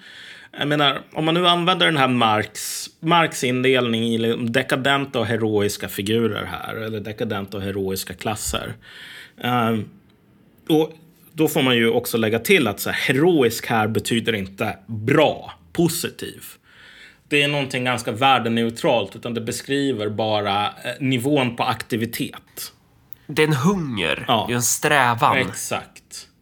Eh, Marx tyckte, hade blandade känslor inför de heroiska borgarna på 1700-talet. Eh, tyckte inte att de var, det här är det bästa som finns. Så som sagt, en hunger det är en strävan.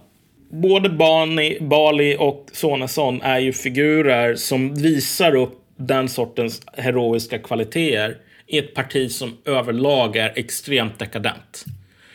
Um, och precis som så här, hyenor har liksom inprogrammerat i sig att när de känner doften av lejon så blir de rädda, även om de aldrig har sett ett lejon. Så är det så att liksom, ett dekadent etablissemang har det inprogrammerat utan att någon någonsin behöver gör, sköta själva programmeringen. Att vara rädda och avsky den sortens figurer. Sen återstår det ju att se så här Alltså de har ju redan tagit ifrån Hanif Bali i princip alla, all, alla hans jobb, så att säga. Ehm, Alltså, är, är det så illa? Eller jag har inte fattat det alltså han är ju fortfarande hur- riksdagsman, men det enda som man behöver göra nu tror jag är att typ dyka upp en gång i veckan på voteringar. Resten av tiden så... Vi måste ha med honom i... Han har fan tackat ja, Ja, till och med. vi får... Jo, han kommer, han kommer i podden. Eh, förhoppningsvis inte om tre år. Sådär. Det kan ju bli så att... eh, Eller så hör han av sig och bara, nej men jag, jag, kan- jag tar avstånd från ditt oetiska beteende. Fast nu, Ja. nu, som sagt, nu kan inte partiet ta ifrån honom särskilt mycket. Det, det som de kan göra det är att säga att alltså, vi kommer att behandla dig som Amineh Kakabaveh, så uh, lycka till att komma in i riksdagen nästa gång. Men sen är det, det, är Hanif Bali som han står liksom längst ner på en lista i så här Lycksele så kommer han ändå komma in. Um, men, men så här. I slutändan så, det som man får säga positivt här om Hanif Bali, eller en av de sakerna, är ju att han har ju förstått väldigt väl att spelet är riggat. I termer av um, de här, här socialliberalerna kan typ säga vi borde skjuta uh, alla borgare för att rädda klimatet. Och då är det ett roligt skämt, hö hö. Men om han typ säger IS-hona, då är det så här. Det här är någonting som verkligen för oss närmare ett våldsamt samhälle. Det här är någonting som avhumaniserar politiska motståndare och kallar någon för hona. Förstår inte du att du leder indirekt till mord? Och det finns ingen jävla...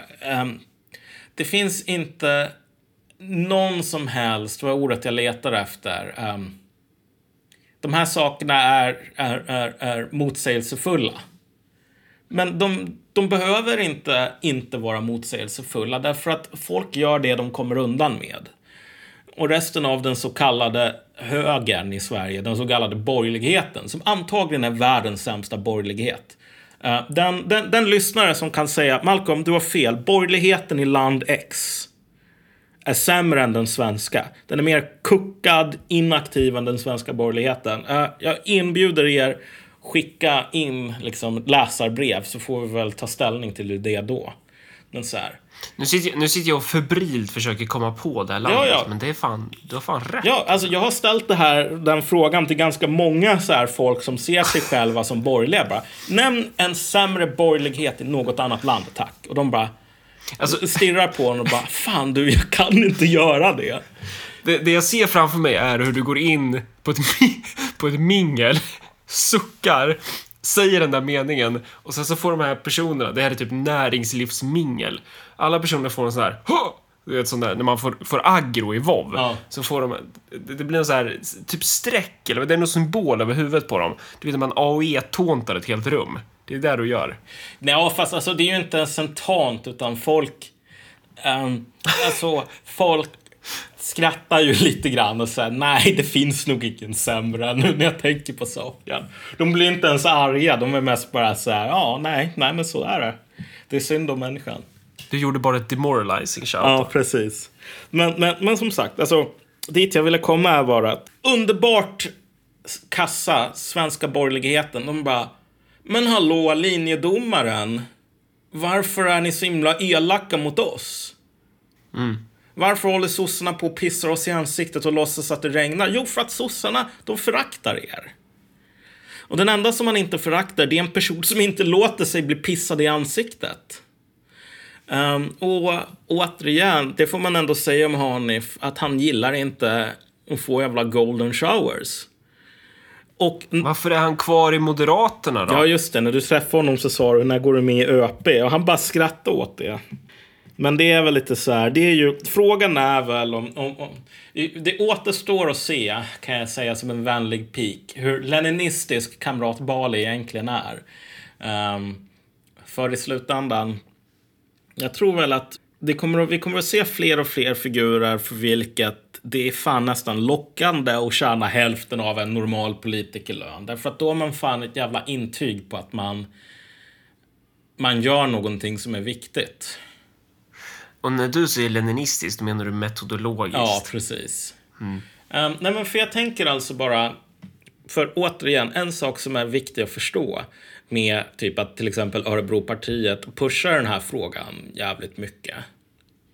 Alltså det handlar inte om att spara pengar. Nej. Och det handlar inte om exakt lönenivå. Alltså det, det spelar ingen roll om det är 35 eller 30 eller... Alltså, det är ju en princip att markera att så här... ehm, ja, men hälften av dagens nivå, typ. Alltså, det är ju en sak som du berättade för mig när vi började prata så här. Och som jag har upplevt själv. Det här att en av de roligaste sakerna med att hålla på med politik idag. Det är den här tacksamheten som man får av människor. Um, jag, Ja, det är fan... Det är därför man gör Ja. det, liksom. Alltså, jag, jag brukar säga, jag, jag gillar ganska mycket att laga mat, men jag lagar sällan avancerad mat hemma därför att jag tycker att det är ganska tråkigt om det är bara jag som äter. Då, då, då, då är det lite hugget som stucket. Då kan jag äta en jävla, jag vet inte vad, en morot. Eller någonting. Fan vad jag inte håller med. Du vet, jag, nu när jag är ensam hemma, det är nu jag passar på. Jävlar! I natt gjorde jag Edvard Bloms chiligryta. Um, som stod och puttrade skitlänge. Fan vad bra. Ja, nej, men- Ehm, och då, alltså- då när jag köpte ingredienser till den, då gick jag ju på Ekershallen. Och då kommer det ju fram anställda där och liksom säger att Fan vad nöjd jag är att jag röstade på er. Fortsätt, så här, fortsätt pusha liksom. Ehm, och det är ju det där de där idioterna i fullmäktige inte fattar. Exakt. Det är det de inte förstår. Det är det de har glömt. Det, och eftersom de har glömt det, deras enda respons det är bara att hålla på och vara cyniska. Liksom. Det är så här, att det är barnsligt av dig att säga sänk politikerlönerna, för du är så här naiv. Det är fan inte barnsligt att typ älska den där tacksamheten. Uh, som, det är så här, i grundläggande... Om man säger så här. Varför har vi hamnat i ett läge där den personen som säger jag värdesätter den där tacksamheten mer än 30 000 kronor i månaden är en idiot. Är ett barn. Är naiv. Så var det fan inte alltid. Spola tillbaks bandet en 50 år och det här var ju någonting som var så extremt självklart för socialdemokratin att du inte ens behövde nämna det. Du kan betala någon 40 000 kronor extra i månaden men den människan kommer att vara fattigare än någon som så att säga tjänar folket. Det är liksom, och det här är det som dessa jävla kax inte kan förstå. Att det är inte en pås. Det är inte ett indiantrick, en krigslist. Att hålla på och säga att eh, politikerna ska tjäna folket, inte tvärtom. Alltså det är, det är sin egen belöning att tjäna folket. Ja, det är ju patriotism. Ja, exakt. Det är patriotism. Och i slutändan så här, vad, jag, vad jag misstänker är, och, eller jag behöver ju inte ens misstänka därför att det här ligger i kulturen också. Alltså samma människor håller ju på och typ hånar idén om att ja, om, det, om Sverige hamnar i krig då skulle man fan göra värnplikt och slåss för Sverige. Det är bara så här, gud vad du är dum i huvudet. Vadå, tror du på Gud också eller? Du skulle vilja slåss för att försvara Sverige. Mm. Därför att i de här myrornas jävla begränsade fantasiförmåga, då är det enda som kan vara möjligt, det är så här, ja men vet du vad, vad får jag ut av det? Eh, det enda de kan föreställa sig i relation till så här, du vet, jag gillar Sverige för jag får höga bidrag. Sverige betalar mig 10 högre, högre bidrag än Tyskland. Därför så gillar jag Sverige 10% mer än Tyskland. Men om, om Tyskland betalar lite högre bidrag, då drick, drar jag dit. Nej, du vet, det finns folk som är beredda att slåss, inte för att de får högre bidrag, utan för att till exempel Sverige, det är mitt jävla land. Um, och återigen, det här är det ultimata tecknet på dekadens. När den idén blir ett skämt. Men den idén är ju ett skämt. Om du, speciellt för typ vänstern idag, då är det så här. Då vet ju redan att de här människorna kommer att säga, ja men vet du vad, Malcolm han har blivit någon sån här galen nationalist. Därför att han säger att han skulle hellre, äh, äh, ja, vad fan om ryssen kom, då skulle han gå ner, skriva upp sig som frivillig och sen skulle det ta fem minuter innan han blev sprängd av någon sån här rysk klusterbomb. Så här, gud vad idiotiskt. Så här, Finns det någon annan sån här framgångsrik jävla kommunist genom historien som inte haft den attityden? Låt oss fråga oss så här. Skulle typ Lenin säga bara, nej men vet du vad, min, min, min, min, min koppling till Ryssland det är bara att så här, det här är det stället som jag kallar hem just nu. Ja, det är det som är mest Pareto-optimalt. Att eh, Nej, du, hålla på med. Ryssland var fucking Ryssland. Även när han levde i exil, jävligt liksom bekvämt många gånger i Schweiz, på andra ställen, så räknade han ju dagarna till han kunde återvända hem. Därför att det var hans hem. Det här var någonting som var extremt heligt för de gamla bolsjevikerna. Det var någonting som ex var extremt heligt för eh, kommunisterna i Vietnam, för Mao, för typ alla. Det var naturligt. Att så här... Det, det, vad man ville var ju att alla skulle ha ett jävla hem som var sitt. Um, vilket är varför man släppte igenom så här finsk um, självständighet och sådär. Så bara, ja men lycka till finnar. Men återigen, det är någonting ex- att säga så här, nej men vet du vad, jag skulle fan ta värvning. Inte för att jag tror att jag skulle överleva mer än fem minuter, utan för att det är så här, vissa grejer gör man även om man får betala för det. Vissa grejer är viktigare än att fortsätta leva så här.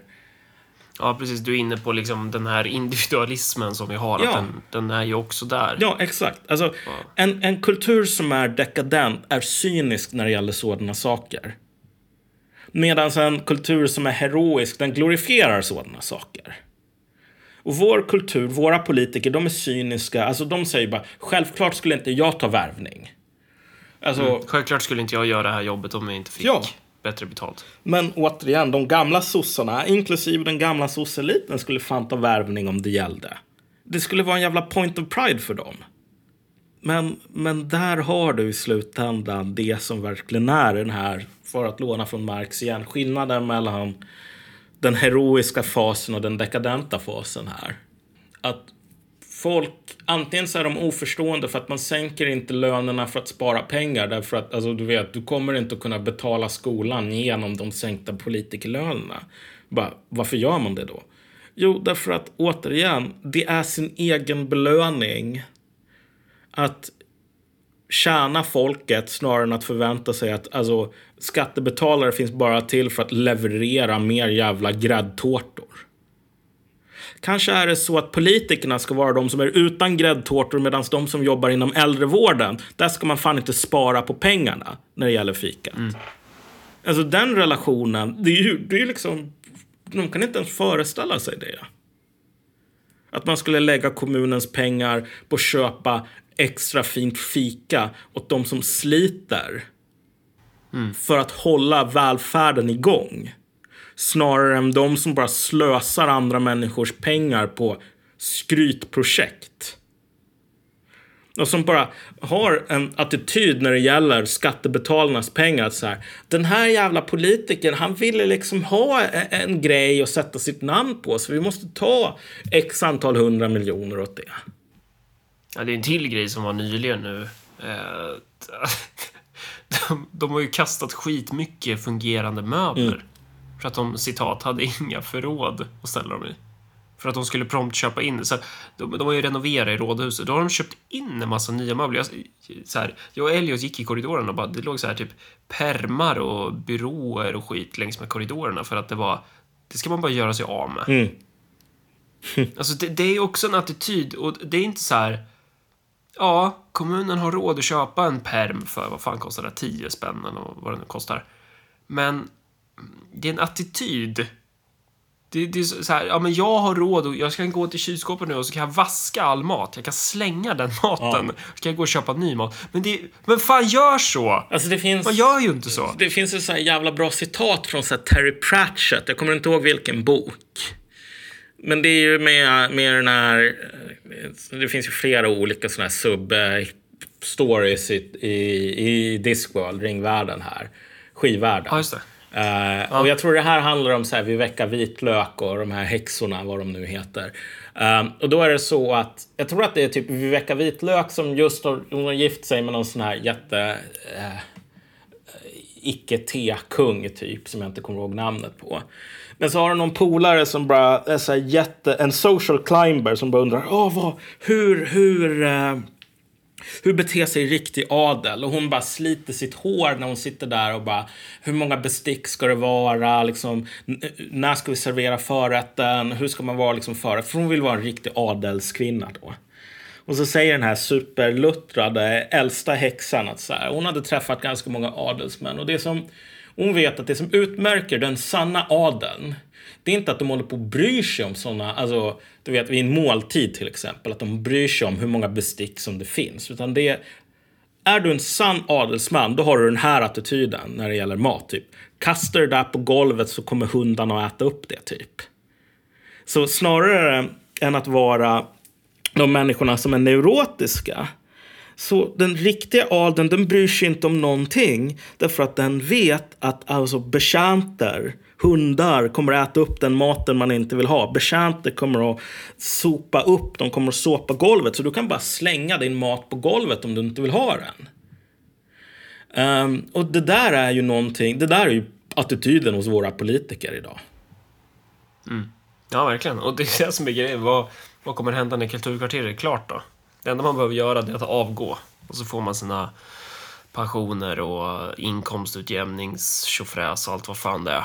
Och sen så tänker man att man är safe. Ja, nej men du vet, alla kommer ju, du vet, om du är en person som så att säga tvättar ditt eget golv, då vet du att man kan inte kasta saker på golvet och låta hundarna äta upp det, typ. Därför att det är du som kommer att stå där sen och, och, och städa upp skiten.